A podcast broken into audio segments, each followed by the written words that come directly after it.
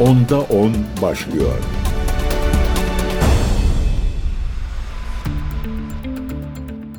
Değerli CGTN Türk takipçileri ben Gökün Göçmen 10'da 10 programına hoş geldiniz. Gündemde Orta Doğu var. Orta Doğu'da ABD askerlerine dönük saldırı var. Son olarak Suriye-Ürdün sınırında ABD üstüne Kule 22'ye bir saldırı düzenlenmiş. Bu saldırının neticesinde 3 ABD askeri hayatını kaybederken 30'dan fazlası yaralanmıştı.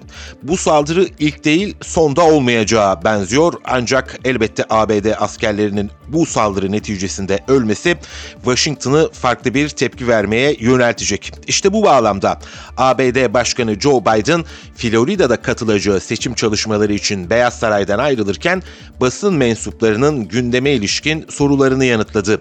Biden Suriye-Ürdün sınırında Amerikan üstüne düzenlenen saldırıya nasıl karşılık vereceklerini kararlaştırdıklarını söyledi. Saldırının sorumlusu olarak İran'ı görüp görmedikleri sorusunu bu saldırıyı yapan kişilere silahları sağlamaları bakımından onları yani İran'ı sorumlu tutuyorum şeklinde yanıt veren Biden, saldırının İran'la doğrudan bağlantısının ortaya çıkması durumunda İran'ı doğrudan sorumlu tutup tutmayacakları sorusuna ise bunu tartışacağız ifadesiyle karşılık verdi. ABD medyasında yer alan haberlere göre saldırıda doğrudan İran'ın talimatı parmak izi bulunmuyor. Zaten Biden da ilk yaptığı açıklamada bu örgütlere yani Irak İslami Direniş Cephesine silahların İran verildiğini söylemekle yetindi. Bunun dışında herhangi bir şekilde hiyerarşik bir e, komutadan bahsetmedi. Ancak bu yönde bir kanıtın ortaya çıkması durumunda bunu tartışacağız ifadelerini kullandı. Dün de bahsetmiştik zaten Orta Doğu'da İran'la birlikte hareket eden örgütler bir hiyerarşik yapı içerisinde hareket etmiyorlar. Daha ziyade aralarında bir organik ilişkinin olduğunu söyleyebiliriz. Sadece Irak özelinde değil Suriye'de de böyle, Lübnan'da da Yemen'de de benzer bir durumla karşı karşıyayız. Ee, İran her ne kadar direniş ekseninin şu andaki ifade edildiği haliyle Kudüs gücünün e, Kur'an aktörü olsa da e, aralarında bir hiyerarşik yapılanma olduğundan şu an itibariyle bahsedemiyoruz ama elbette Tahran yönetiminin e, buradaki varlığı, kurucu iradesi de tartışılmayacak bir başka etken. Devam edelim. Biden sözlerine Orta Doğu'da daha geniş bir savaşa ihtiyacımız olduğunu düşünmüyorum. Bunun peşinde değiliz diye devam etti. Pentagon'dan da bir açıklama geldi bu konuyla ilgili olarak. Pentagon sözcüsü Tu General Patrick Ryder günlük basın toplantısında Orta Doğu'daki gelişmeleri değerlendirdi. 3 ABD askerinin öldüğü Ürdün-Suriye sınırındaki saldırıda insansız hava aracının savunma sistemini nasıl deldiği konusunda hala birçok soru işareti bulunduğunu belirten Ryder, ABD Merkez Komutanlığı'nın yani CENTCOM'un saldırı üzerinde incelemelerine devam ettiğini bildirdi. Ryder CENTCOM'un söz konusu üssün tehlikeli bir mahallede bulunduğunun bilincinde olarak ABD güçlerinin korunmasını sağlamak için gerekli tedbir ve adımlarını atacağını söyledi. Dün ABD medyasında yer alan habere göre e, bu operasyon nasıl gerçekleşti, bu saldırı nasıl gerçekleşti? Şu şekilde oluyor efendim. E, Ürdün içerisinde bulunan ve Tenef üstüne 22 kilometre uzaklıkta bulunan Kule 22'den bir ABD dronu havalanıyor. Bu ABD dronunun amacı İran'ın bölgedeki faaliyetlerini gözetlemek. En azından ABD'nin kamuoyuna yaptığı açıklama bu şekilde. Düzenli aralıklarla bu Kule 22'den e, dronlar kaldırılıyor ya da balonlar kaldırılıyor, havalandırılıyor. İşte bunu fırsat bilen Irak İslami Direniş Cephesi de havalanan drone'un peşine kendilerine ait bir kamikaze drone taktılar. E, dolayısıyla bu drone, ABD drone'u üstüne dönerken arkasına bir nevi bu küçük kamikaze drone saklandı ve sistemler tespit edemedi. Basında yer alan bilgiler bu şekilde. Pentagon'un açıklamalarıyla devam edelim. Gazetecilerin Irak'ta e, Ketaib Hizbullah'ın ABD güçlerine karşı askeri operasyonları askıya aldığı açıklamasıyla ilgili sorulara karşılık veren Ryder yani Pentagon sözcüsü sözden ziyade icraatın önemli olduğunu söyledi. Ryder, İran'ın vekil gruplarına net bir şekilde saldırılarını durdurmaları çağrısında bulunduk ama onlar durmadı. Şimdi kendi seçtiğimiz zaman ve şekilde onlara yanıt vereceğiz. Eylemler sözlerden daha önemli demekle 28 Ocak'tan bu yana bildiğim kadarıyla 3 saldırı daha olduğunu söylemekle yetineceğiz ifadelerini kullandığı Pentagon sözcüsünün yaptığı açıklamada işte dedi ki sözden ziyade eylemler önemlidir. Daha önce de bu şekilde sözler verilmişti ama üstlerimiz saldırıya uğramaya devam ediyor ifadelerini kullandı. Evet tabii son bir ayda neredeyse sadece Suriye-Ürdün sınırında değil e, aynı zamanda Suriye'nin iç bölgelerinde Hasege'de, Deirizor'da, Humus'ta ABD'nin altı üstüne roket ve İHA'larla 20 farklı seferde en az 83 saldırı yapılmıştı. ABD askerlerinin konuşlandığı Deirizor'da Koniko gaz tesisi ile Ömer Petrol sahası, Haseke'de Sedadi, Himo ve Harapçir üstleri ile Humus'ta teneffüsü de bu saldırılardan nasibini almıştı efendim. ABD güçleri üstlerdeki hava savunma sistemleriyle roket ve İHA'ların çoğunu hedeflerine ulaşmadan düşürmüştü. Ancak az sayıda roket ve İHA üstlerin koruma amacıyla oluşturulan bariyerlerine düşmüştü. Buna karşılık son saldırıda bu kez direniş grupları amaçlarına ulaştı ve doğrudan e, ABD'li askerlere hedef aldı. E, biraz önce anımsattığım üzere e, 3 kişi öldü, 3 ABD askeri öldü, 30'dan fazla da yaralı olduğunu biliyoruz. Bunlardan bir kısmı da ağır yaralı. Ürdün dışına çıkartıldılar bu ABD askerleri. Saldırılar nasıl değerlendiriliyor uzmanlar tarafından? Suriye merkezli Jusur Araştırma Merkezi'nden Fırat Doğusu konusunda uzman Enes Şeffa, e, Suriye'de konuşlanan ABD güçleriyle İran'ın bu ülkedeki uzantıları arasında angajman kurallarının sabit olduğunu söyledi. Şevvah, İran'ın Irak'taki İslami Direniş Grubu'nun saldırılarının sorumluluğunu üstlenerek ABD'ye tüm gruplarını kontrol edebileceği mesajını vermek istediğini belirtti. Bu saldırıların orta vadedeki amacının ABD'nin Suriye'deki savaş faturasının yükseltilmesi olduğunu belirten Şeffa, aynı zamanda Gazze saldırılarında İsrail'e verilen destekten dolayı ABD'ye baskı kurulmak isteniyor dedi. Yani uzman da diyor ki bu grupların iki temel amacı var. Bir, e, binlerce kilometre uzaklıkta kalktınız okyanusları aştınız geldiniz Suriye'ye. Suriye'yi bölüp parçalama amacı içerisindesiniz. Bir, bunun bir faturası olacak. İki de Gazze'ye dönük artık katliama varan hatta soykırımla yargılanıyor biliyorsunuz İsrail. Bu İsrail'in eylemlerinden dolayı ona verdiğiniz destekten dolayı da bir bedel ödeyeceksiniz mesajı verilmek isteniyor. Tabi bu bölgedeki üsler aynı zamanda e, Suriye'de terör örgütü PKK-YPG'ye destek veren üsler. Lojistik destek de veriyor, askeri eğitim desteği de veriyor. Kongreden gelen paralar buradaki terör örgütlerinin uzantılarına gidiyor. Amerika Birleşik Devletleri çok uzunca bir süredir tıpkı İsrail gibi hani diyordu ya ABD Başkanı Joe Biden bir İsrail olmasaydı onu kurmak zorunda kalırdık diye. İşte şimdi farklı bir İsrail'i Türkiye'nin burnunun dibinde Suriye'nin sınırları içerisinde İran'ı kuşatma planları çerçevesinde hayata geçirmek istiyor.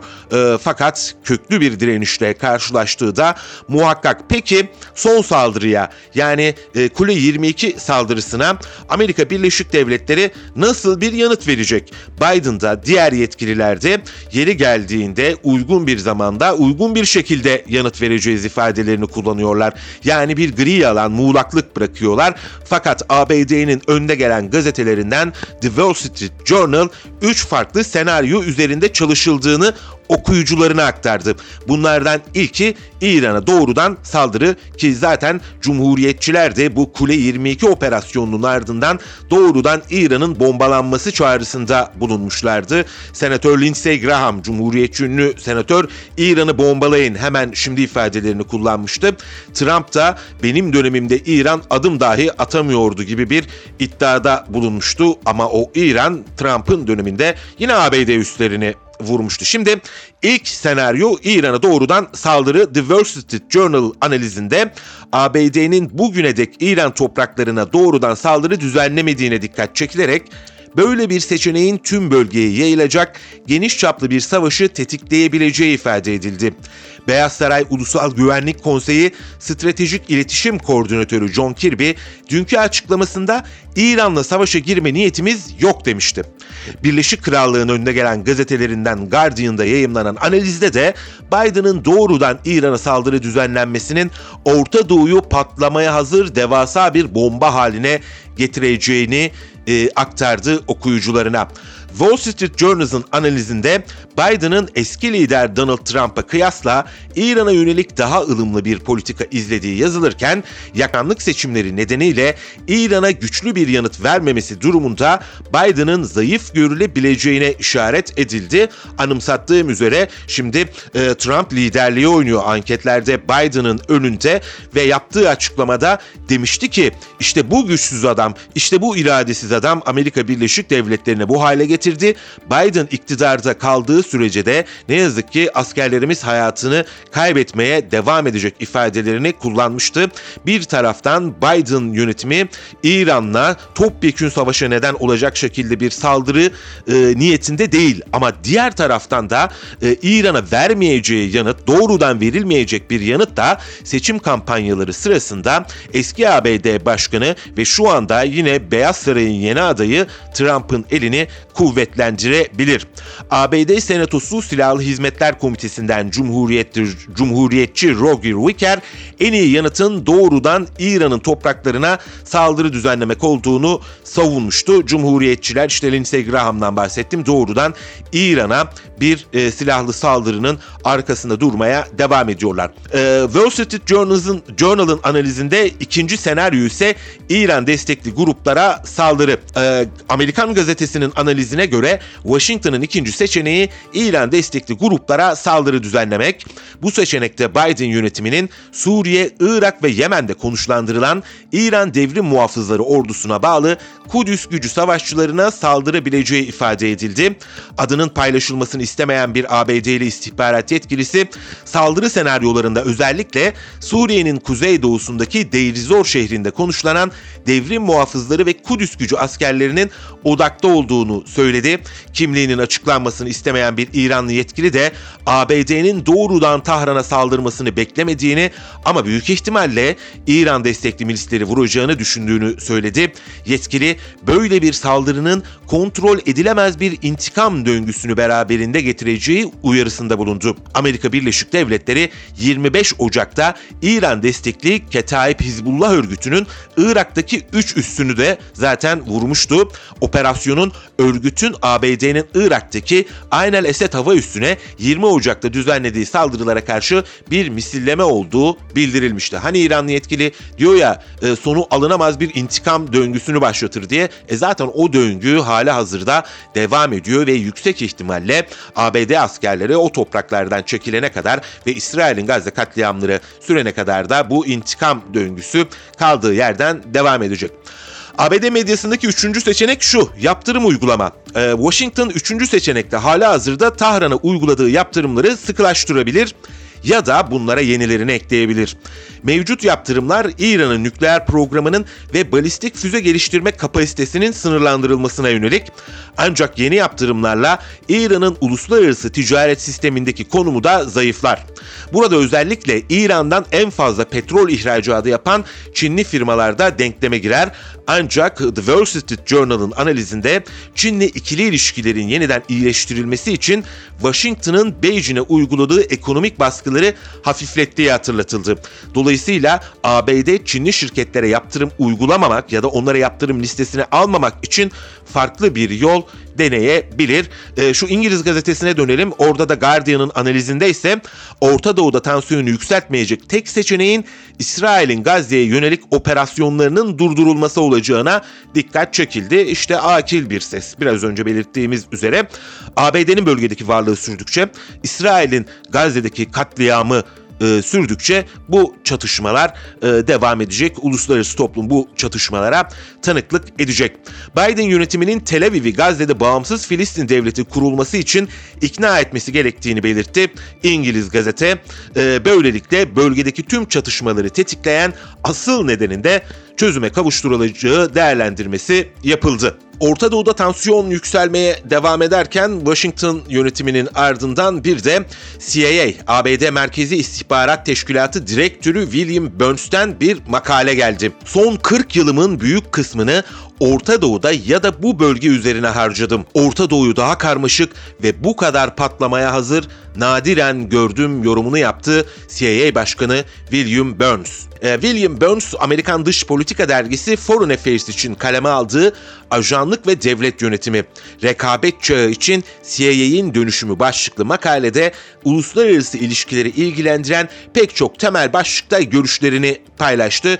Ee, gölge dışişleri olarak bilinir Foreign Affairs dergisi yani onun bulunduğu daha doğrusu Dış İlişkiler Konseyi. Sürecin ciddi zorluklar içerdiğini vurgulayan William Burns, Gazze'de İsrail saldırının, saldırılarının yoğunluğunu azaltmak, Filistinli sivillerin insani ihtiyaçlarını karşılamak, rehinelerin serbest kalmasını sağlamak, çatışmanın bölgeye yayılmasını önlemek ve Gazze'de uygulanabilir bir formül bulabilmek için oldukça zor problemlerle karşı karşıya olduklarını belirtti. 7 Ekim'de Hamas saldırılarıyla başlayan ve İsrail'in Gazze'de halen devam eden katliamlarıyla gerilimin sadece bölgeyi değil tüm küresel sistemi ilgilendirdiğini kaydeden Burns, sürecin hassasiyetini son 40 yılımın büyük kısmını burada harcadım ve daha büyük bir e, tehlike görmedim ifadelerini kullandı. Sadece tabii gündeminde e, yazılan makalede Filistin meselesi, Gazze meselesi yoktu. Ukrayna'ya da değindi William Burns. ABD'nin ve Batı'nın Ukray Ukrayna'ya verdiği desteğin hayati olduğunu vurgulayan Burns, ABD kongresine takılan Ukrayna'ya destek paketine de değindi. Ukrayna'ya destek paketine ilişkin şu kritik aşamada ABD için geri adım atmak ve Ukrayna'ya desteği kesmek tarihi anlamda kendi kalemize gol atmak olur ıı, yanıtını verdim. Rusya'nın Ukrayna'daki savaşı birkaç düzlemde kaybettiğini savunan Burns, Rus ordusunun ağır kayıplar verdiğini ve ekonomisinin tahribata uğradığını kaydetti. ABD'nin şu an karşı karşıya olduğu durumu Soğuk Savaş'ın bittiği döneme ya da 11 Eylül sonrası döneme benzeten CIA direktörü ABD'nin artık Çin ve Rusya karşısında rakipsiz üstünlüğe sahip olmadığını e, itiraf etti efendim. Dedi ki artık bizim rakipsiz üstünlük dönemimiz sona e, geldi ifadelerini kullandı. Sadece tabii CIA direktörü değil Stoltenberg de önemli açıklamalarda bulundu. Hem İran'a hem Rusya'ya ve aynı zamanda Çin'e de mesajlar verdi. NATO Genel Sekreteri Jens Stoltenberg, ABD Dışişleri Bakanı Antony Blinken'la buluştu. Daha sonra Washington'da kameralar karşısına geçtiler ve o klasik ezberi tekrarladılar. Otoriter rejimlere karşı demokratik uluslar bir araya gelmelidir ifadelerini kullandı. Dünyada böyle bir gerilim mi var? Dünyada böyle bir kutuplaşma mı var acaba? İşte buraya bakmak lazım. Yoksa özgürlüğünü arayan halklarla onlara e, baskı uygulamak isteyen, onları zapturapt altında tutmak isteyen e, devletler arasında mı bir çelişki var? Otoriter rejimlere karşı dedi birlikte duralım. İşte bu Batı'nın rejim değiştirme niyeti hiçbir zaman bitmeyecek. Rejim ihracı hayalleri bitmeyecek ki felaketi de işte bu teorik e, altyapı hazırlıyor. Güvenliğin küresel bir mesele olduğunu dile getiren Stoltenberg, NATO hayati bir önem taşıyor dedi. Stoltenberg'in dışarıda İran'ın saldırgan tutum sergilediğini hatırlatarak aktararak İran istikrar ve güvenliğe ihtiyaç duyan Orta Doğu'nun istikrarsızlaşmasından sorumludur ifadelerini kullandı. Acaba kim Suriye'yi bombaladı? İran mı? Yoksa Libya'yı kim bombaladı? Kaddafi'yi kim bombaladı? İran mı? Ee, Irak'ı kim böldü? İran mı? Amerika Birleşik Devletleri ve onun liderliğini yaptığı NATO, Yugoslavya'ya İran mı saldırdı? Hayır. Ama tabii işte ABD'nin bir saldırı örgütünün sözcüsü olarak Stoltenberg, Orta Doğu'nun istikrarsızlaşmasından İran'ı sorumlu tuttu. İran'ın Kızıldeniz'de gemilere saldıran Husilere verdiği destekten duyduğu derin endişeyi dile getiren Stoltenberg, bu eylemlerin bölgedeki gerilimi tırmandırma riskini beraberinde getirdiğini söyledi. Çok basit bir çözümü var bunun. Husiler de söylüyor. Eğer Gazze'deki katliamlar biterse biz de Kızıldeniz'de e, İran'a rota kıran, dümen kıran gemilere saldırmayacağız deniyor. Bunun çözümü de basit ama İsrail istiyor ki, NATO istiyor ki, ABD istiyor ki orada katliamlar bir dikensiz gül bahçesinde olsun. Hiç kimse sesini çıkarmasın, kimse kendilerini tek kurşun atmasın. Orada mezbeleli koyunlar gibi insanları katleşsinler istedikleri zannediyorum bu olacak. İran'dan da NATO Genel Sekreterine tepki geldi. İran aleyhine iddiaların trajik komik olduğunu söyledi. İran Dışişleri Bakanı Nasir Kenani, İran'ın bölgedeki istikrarı bozduğuna yönelik ifadelerine e, sosyal medya hesabından bir yazılı açıklamayla yanıt verdi. NATO ve bazı ülkelerin karanlık sömürgecilik geçmişine rağmen NATO Genel Sekreterinin İran aleyhine iddiaları trajikomik ifadelerdir denildi yazılı açıklamada. İran'ın bölgede huzur ve istikrarın sağlanması için yabancı güçlerin müdahalesine karşı bir politika yürüttüğünü dile getiren Kenani, NATO ve bazı üye ülkelerin yıkıcı ve müdahaleci politikalarına ek olarak askeri eylemlerinin sadece Batı Asya'da değil, dünyanın birçok bölgesinde istikrar ve güvensizliğin temelini oluşturduğunu söyledi. Özür dilerim istikrarsızlığın diye e, düzeltmiş olalım. İşte böyle bir açıklama geldi İran'dan. Rusya'dan da bir açıklama geldi. İki açıklama geldi diyebiliriz. Bunlardan ilkini Rusya Dışişleri Bakanı Sergey Lavrov yaptı. İkincisini de Kremlin sözcüsü Dimitri Peskov'dan yap, geldi.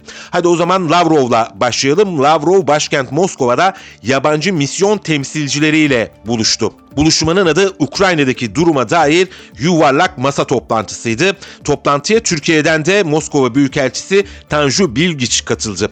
Burada konuşan Lavrov, batılı ülkelerin Ukrayna'ya maddi destek sağladığına işaret ederek Batı şimdiye kadar 200 milyar fazla dolar buraya gönderdi dedi.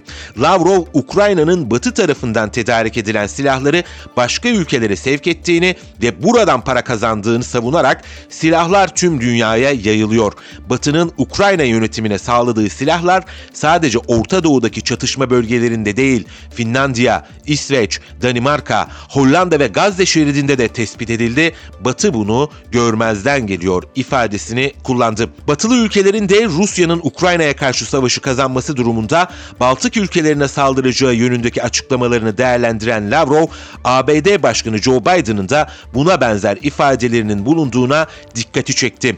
Lavrov söz konusu açıklamaların saçma olduğunu vurgulayarak tarihi ve Ukrayna'daki özel askeri operasyon kapsamında ilan ettiğimiz hedefleri azıcık anlayan herkes bu tür açıklamaların saçma olduğunu anlıyor diye konuştu. Ukrayna Devlet Başkanı Volodymyr Zelenski'nin barış formülü inisiyatifini değerlendiren Lavrov bunun çıkmaza giden yol olduğunu ve bu belgedeki maddelerin saçmalıktan ibaret olduğunu söyledi. Belagorod bölgesinde 65 Ukraynalı esir dahil 74 kişinin de bulunduğu Rus, Rus uçağının Ukrayna tarafından vurulmasına değinen Lavrov olayla ilgili soruşturmanın devam ettiğini söyledi. Geçtiğimiz günlerde Ukrayna lideri Zelenski bir barış masası kuralım demişti ama teklifi şuydu bu barış masasında Rusya olmasın.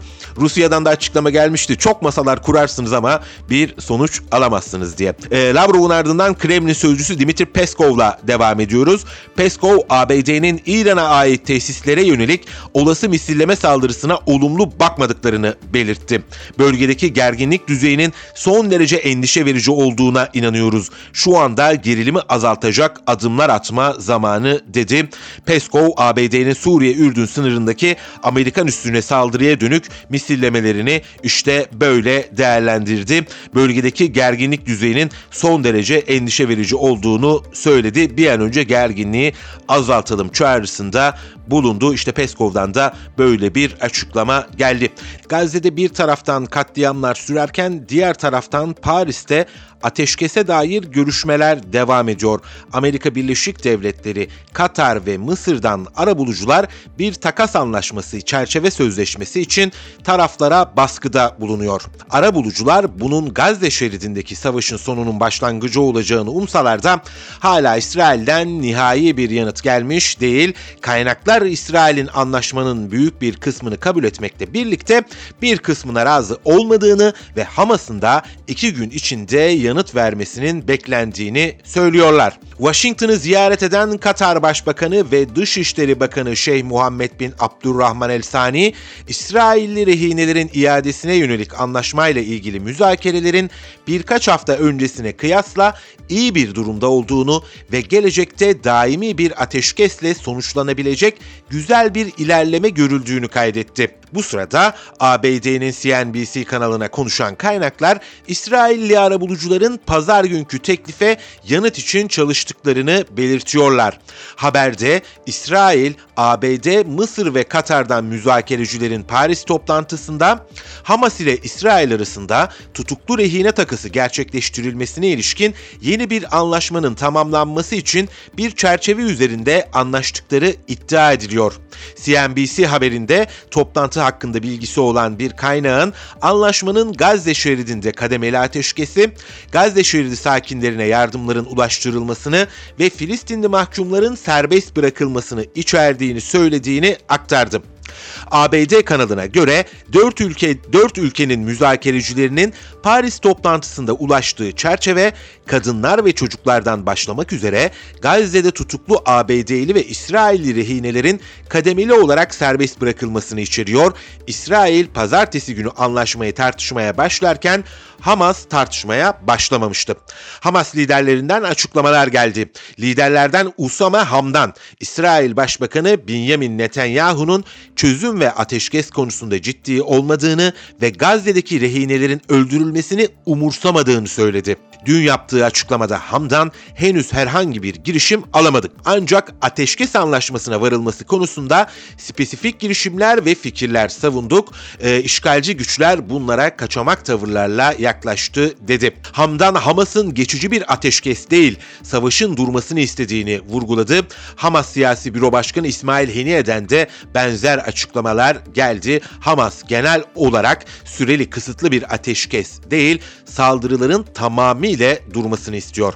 Hamas yönetiminin Paris toplantısından çıkan çerçeve anlaşmasını ve bunun uygulanmasına ilişkin gerekenleri görüşmek üzere Kahire ziyareti için davet aldıklarını belirten Heniye konuyla ilgili inceleme ve görüşmelerin yapıldığını aktardı. Paris toplantısından çıkan teklife karşı Hamas'ın cevabı özellikle Gazze'ye acımasız saldırganlığın durması ve İsrail güçlerinin Gazze şeridinin dışına çekilmesi temelinde olacaktır ifadelerine yer veren Heniye, saldırıların kapsamlı bir şekilde durması ve halkın barınmasının sağlanması, yeniden imar, Filistinli esirlerin özgürlüğünü garantiye alan ciddi bir esir takasının gerçekleşmesinin önemini vurguladı. Heniye bu çerçevede Hamas'ın her türlü teklif ya da ciddi fikirleri tartışmaya açık olduğunu kaydetti. Anlaşma savaşın durdurmasını kapsamıyor ancak buna zemin hazırlıyor bunu da ifade edelim.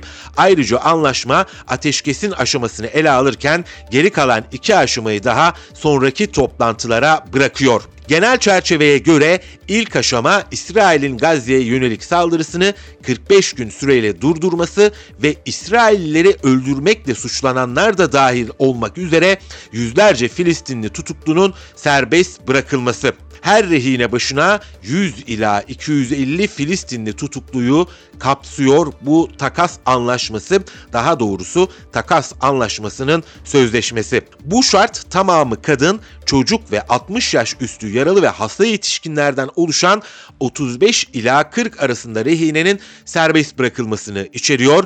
İsrail'in Kanal 12 televizyonu Hamas'ın taleplerine göre sonunda binlerce mahkumun 4 ila 5 bin arasında mahkumun serbest bırakılmasının beklendiğini bildirmekte. İkinci ve üçüncü aşamada düzenli askerler, yedek birlik askerleri yani kadın ve erkek ve diğer erkekler 60 yaş altı serbest bırakılacak. Bununla birlikte savaşın daha uzun süre durdurulması ve Filistinli mahkumların serbest bırakılması sağlanacak. Son aşamada da cenazelerin teslimi yapılacak efendim. İşte gelen bilgiler bu yönde. İsrailli bir yetkili Valla internet sitesine yaptığı açıklamada amacın ilk aşamayı ikinci ve üçüncü aşamalara ilişkin ön mutabakatlarla başlatmak olduğunu vurguladı. İki ABD'li yetkilinin Washington Post'a yaptıkları açıklamada Başkan Joe Biden yönetiminin son haftalarda müzakereleri yeniden başlatmak için İsrail ve Hamas üzerindeki baskılarını arttırdığını söyledi. Bunun bir nedeni de Kızıldeniz'de Husilerin saldırılarının artması yani ateş ateşkese Husilerin saldırıları mı götürecek? Acaba ABD'yi ve İsrail'i Husiler mi e, ateşkese zorlayacak? E, yakın zamanda ABD Kızıldeniz'de Husileri vurmuştu ama Husilerin saldırılarını engelleyememişti. ABD anlaşmanın kalıcı bir ateşkese ulaşmasını ve bunun bölgede daha büyük bir gerilimin çıkmasını engellemesini umuyor. Ara bulucular Hamas'ın cevabını beklerken İsrail Başbakanlık Ofisi ise anlaşmaya ilişkin haberlerin yanlış olduğunu ve İsrail tarafından kabul edilemeyecek koşullar içerdiğini belirten bir açıklama yaptı. Yani İsrail siyaseti deyim yerindeyse felç olmuş durumda. Bir taraftan uluslararası basına konuşup konuşacağız bu teklifleri tartışacağız diyor. Diğer taraftan da kapıları kapatıyorlar. Netanyahu'nun ofisi başlangıçta Paris'te yapılan toplantının yapıcı olduğunu zaten söylemişti. Ofis pazar günü Paris'te ABD Merkezi İstihbarat Teşkilatı Direktörü William Burns ile İsrail Dış İstihbarat Servisi yani Mossad Başkanı David Bernea, Mısır İstihbarat Servisi Başkanı Abbas Kamil ve Katar Başbakanı Muhammed bin Abdurrahman El Sani'nin katıldığı toplantının ardından yaptığı açıklamada hala büyük boşluklar olduğu ve iki tarafında bu hafta yapılacak ek toplantılarda bunları tartışacağını kaydetmişti. İsrail medyası anlaşmanın şartlarını Hamas'a teslim olmak olarak gören sağcı liderler arasındaki eleştiri ve tehdit dalgasının yükselmesinin ardından yaptı. Yani bir taraftan da Netanyahu'nun ofisi iç kamuoyunu aşırı sağcıları tatmin etmek zorunda ama diğer taraftan da e, binlerce İsrailli çocuklarının, evlatlarının, annelerinin, babalarının evine dönmesini istiyor. İsrail bir dilemma, bir ikilem içerisinde kalmış durumda. Maliye Bakanı ve Dini Siyonizm Partisi lideri Bezalel Stormich, partisinin Gazze'deki saldırıları iki ay boyunca durdurmayı ve rehinelerin serbest bırakılmasına ilişkin gelecekte bir anlaşmanın parçası olmayı teröristlere teslim olmak olarak yorumlayanlar arasında efendim. Tabi bir taraftan ateşkes konuşulurken diğer taraftan da İsrail'in Gazze'de katliamları hız kesmeden devam ediyor. Gazze hükümetine bağlı medya ofisinden yapılan yazılı açıklamada İsrail'in Gazze şeridine yönelik saldırılarının 116. gününün geride bırakıldığı duyuruldu. İsrail ordusu Gazze şeridinde 2269 katliam gerçekleştirirken hayatını kaybeden ve kayıp olan kişilerin toplam sayısı 33 bin 571 oldu. Açıklamalarda naaşı hastanelere ulaşan kişi sayısı 26.751'e yükselirken ölenlerin 11.500'ünün çocuk, 8.000'inin kadın, 339'unun sağlık ekipleri, 46'sının ise sivil savunma ekiplerine ait olduğu söylendi. Ölenler arasında 122 de gazeteci bulunuyor. Saldırılar sonucu kayıp durumunda olan 7000 kişinin %70'i de kadın ve çocuklardan oluşmakta. İsrail'in Gazze'ye saldırılarında 65.636 kişi yaralanırken durumu tehlikeli olan 11.000 yaralı kurtarılmak için tedavi amaçlı seyahat etme ihtiyacı duyuyor. Gazze'de 10.000 kanser hastası ölümle burun buruna gelirken Yaklaşık 700 bin kişi ise yerinden edilmeleri sonucunda çeşitli hastalıklara yakalandı. Yerinden edilmeleri nedeniyle 8 bin kişide viral hepatit enfeksiyonu vakası görüldü ve 60 bin hamile kadın sağlık hizmetlerine erişemedikleri için 350 bin kronik hasta ilaç verilememesi nedeniyle risk altına alındı. İsrail ordusu bu sırada 99 sağlık personeli üreticiyi de göz altına aldığı saldırılarda 161 cami tamamen yıkılırken 253 cami ise kısmen yıkıldı. 3 kilise hedef alındı. İsrail ordusunun karadan, havadan ve denizden saldırı altında tuttuğu Gazze'de 70 bin ev tamamen yıkılırken 290 bini kısmen zarar gördü. İşte katliamın, sürgünün, tehcirin ne zaman biteceğinin bilinmediği Gazze'de son tablo bu şekilde efendim. Ama sadece tabi Gazze'de değil İsrail'in katliamları Batı Şeria'da da sürecek gibi gözüküyor ki Benjamin Netanyahu, İsrail lideri Netanyahu işgal altındaki Batı Şeria'da İsrail ordusunun 43. taburundaki yedek askerler ve komutanlarla buluşma çağrısında bulundu. İsrail'in Gazze şeridindeki saldırılarına ilişkinde açıklamalar yaptı. Gazze'ye yönelik saldırılarına zafer kazanıncaya kadar devam edeceklerini ileri süren Netanyahu ki bu şu anda imkansız gözüküyor. Bu nedenle Gazze dışındaki diğer bölgelerle de ilgilenmeleri gerektiğini dile getirdi. Netanyahu, İsrail güçlerinin Batı Şeria'da geçen yıl başında başından bu yana 500'den fazla terörist diye nitelediği Filistinliyi öldürdüğünü kaydederek bugün Cenin'de olmak üzere işimiz bitmedi ifadesini kullandı. Cenin'de bulunan İbn Sina Hastanesi'nde bu sabaha karşı sivil kıyafet, doktor ve hemşire önlüğü giyen yaklaşık 10 İsrail özel hareket mensubu 3 Filistinliyi susturucu silahlarla öldürmüştü. Bakar mısınız hani İsrail ne diyordu? Diyorlardı ki işte bu Hamas militanları sağlık çalışanı kılığında geziyor. Hastanelerin altına tüneller kazıyorlar. Oraları karargah yaptılar. Ama bakın aynı İsrail ordusunun mensupları e, hemşire gibi giyiniyor, doktor gibi giyiniyor. Susturucu silahlarla hastanenin içinde insan öldüren bir İsrail'den bahsediyoruz ve İsrail'de bu katliamın aynı zamanda iç politikadaki yansımasından da bahsettik. İşte e, ateşkese yanaştırmayan da bir siyasi gerilim var İsrail'in içerisinde. Son günlerde Uluslararası Kriz Grubu da bir makale yayımladı. Tüm bu gerilimleri İsrail iç siyasetindeki gerilimleri anlatan bir yazıydı bu ve şöyle bir tanımlamada bulundu. İsrail felç oldu. Yani felç olmuş bir siyasi sistemden bahsediyoruz. İşte tablo bu şekilde efendim. Değerli CGTN Türk takipçileri ben Gökün Göçmen. Bugün neleri konuştuk? Bugün konuştuğumuz en önemli gündem maddesi Suriye ve Ürdün sınırındaki 3 ABD askerinin ölmesi ve 30'dan fazlasının yaralanmasıyla başlayan yeni süreç. Washington yönetimi e, zamanını söylemiyor, yerini söylemiyor, ne yapacaklarını söylemiyor. Ama mutabık kaldıkları bir husus var, yanıt verilecek. Peki nasıl bir yanıt verilebilir? Artık bu kamuoyunun tartışmasına açılmış durumda. ABD'nin önde gelen gazetelerinden The Wall Street Journal bir e, yazı yayımladı. ABD'li kaynaklara e, yakın olmasıyla bilinen bir gazete. Üç senaryo üzerinde çalışılıyor dedi. Bunlardan birincisi İran'ın doğrudan vurulması. E, seçim dönemine giderken e, Cumhuriyetçiler bastırıyor. İran'ı vurmazsanız güçsüzsünüz demektir diye ama İran'ı vurmak da diğer taraftan bölgeyi topyekun bir savaşa sürükler. Biden yönetimi bunun farkında. İkinci ve en olası seçenek ise e, İran'a e, yakın olan grupların Suriye'de ya da Irak içerisinde vurulması olabilir. Üçüncü seçenek ise yaptırımlar. Yaptırımlar meselesi bambaşka bir boyut çünkü bu boyutun içerisinde İran'ın en büyük petrol alıcısı Çin'de bulunuyor. Dolayısıyla bunun üzerinde de ince hesaplamalar yapılması gerektiği muhakkak. CIA direktöründen de bir itiraf gelmişti. O da dedi ki bunca yıllık görev hayatımda böylesine gergin bir ortam görmedim ifadelerini kullanmıştı. Benzer açıklama Jens Stoltenberg'den gel gelmişti yine. O da İran'ı suçlamıştı. İran'da yaptığı açıklamada demişti ki e, bu açıklamalar, bu iddialar trajikomiktir. Orta Doğu'daki istikrarı bozan işgallerdir ve bu işgallerin sorumlusu Amerika Birleşik Devletleri'dir. Bu yönde tartışmalar da devam ediyor efendim. Diğer taraftan e, gündemimizdeki bir diğer önemli başlık ise e, Hamas'a ve İsrail'i yetkililere sunulan bir çerçeve anlaşma. Bu çerçeve anlaşma 3 maddeden oluşuyor. Bunlardan ilki yaşlıların, kadınların e, bırakılması. E, ikincisi 60 yaş altı erkeklerin bırakılması. Üçüncü aşamada ise e, askerlerin, İsrail'li askerlerin bırakılması. Peki bunun karşılığında Filistin'e ne öneriliyor? İsrail hapishanelerinde tutsak olan Filistinlilerin salı verilmesi. 14 binden fazla e, Filistinli mahkum serbest bırakılabilir.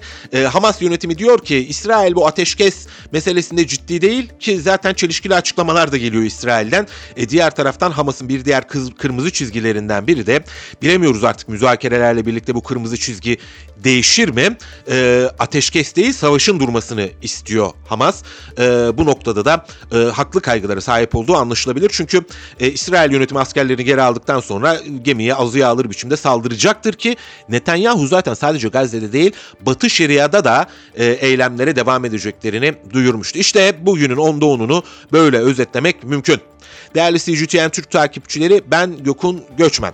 Yarın saatlerimiz onu gösterdiğinde ben yine dünyanın gündemini dilimiz döndüğünce, süremiz el verdiğince yorumlamak için bu mikrofonun karşısında olacağım. Sizleri de beklerim efendim. Onda 10 sona erdi.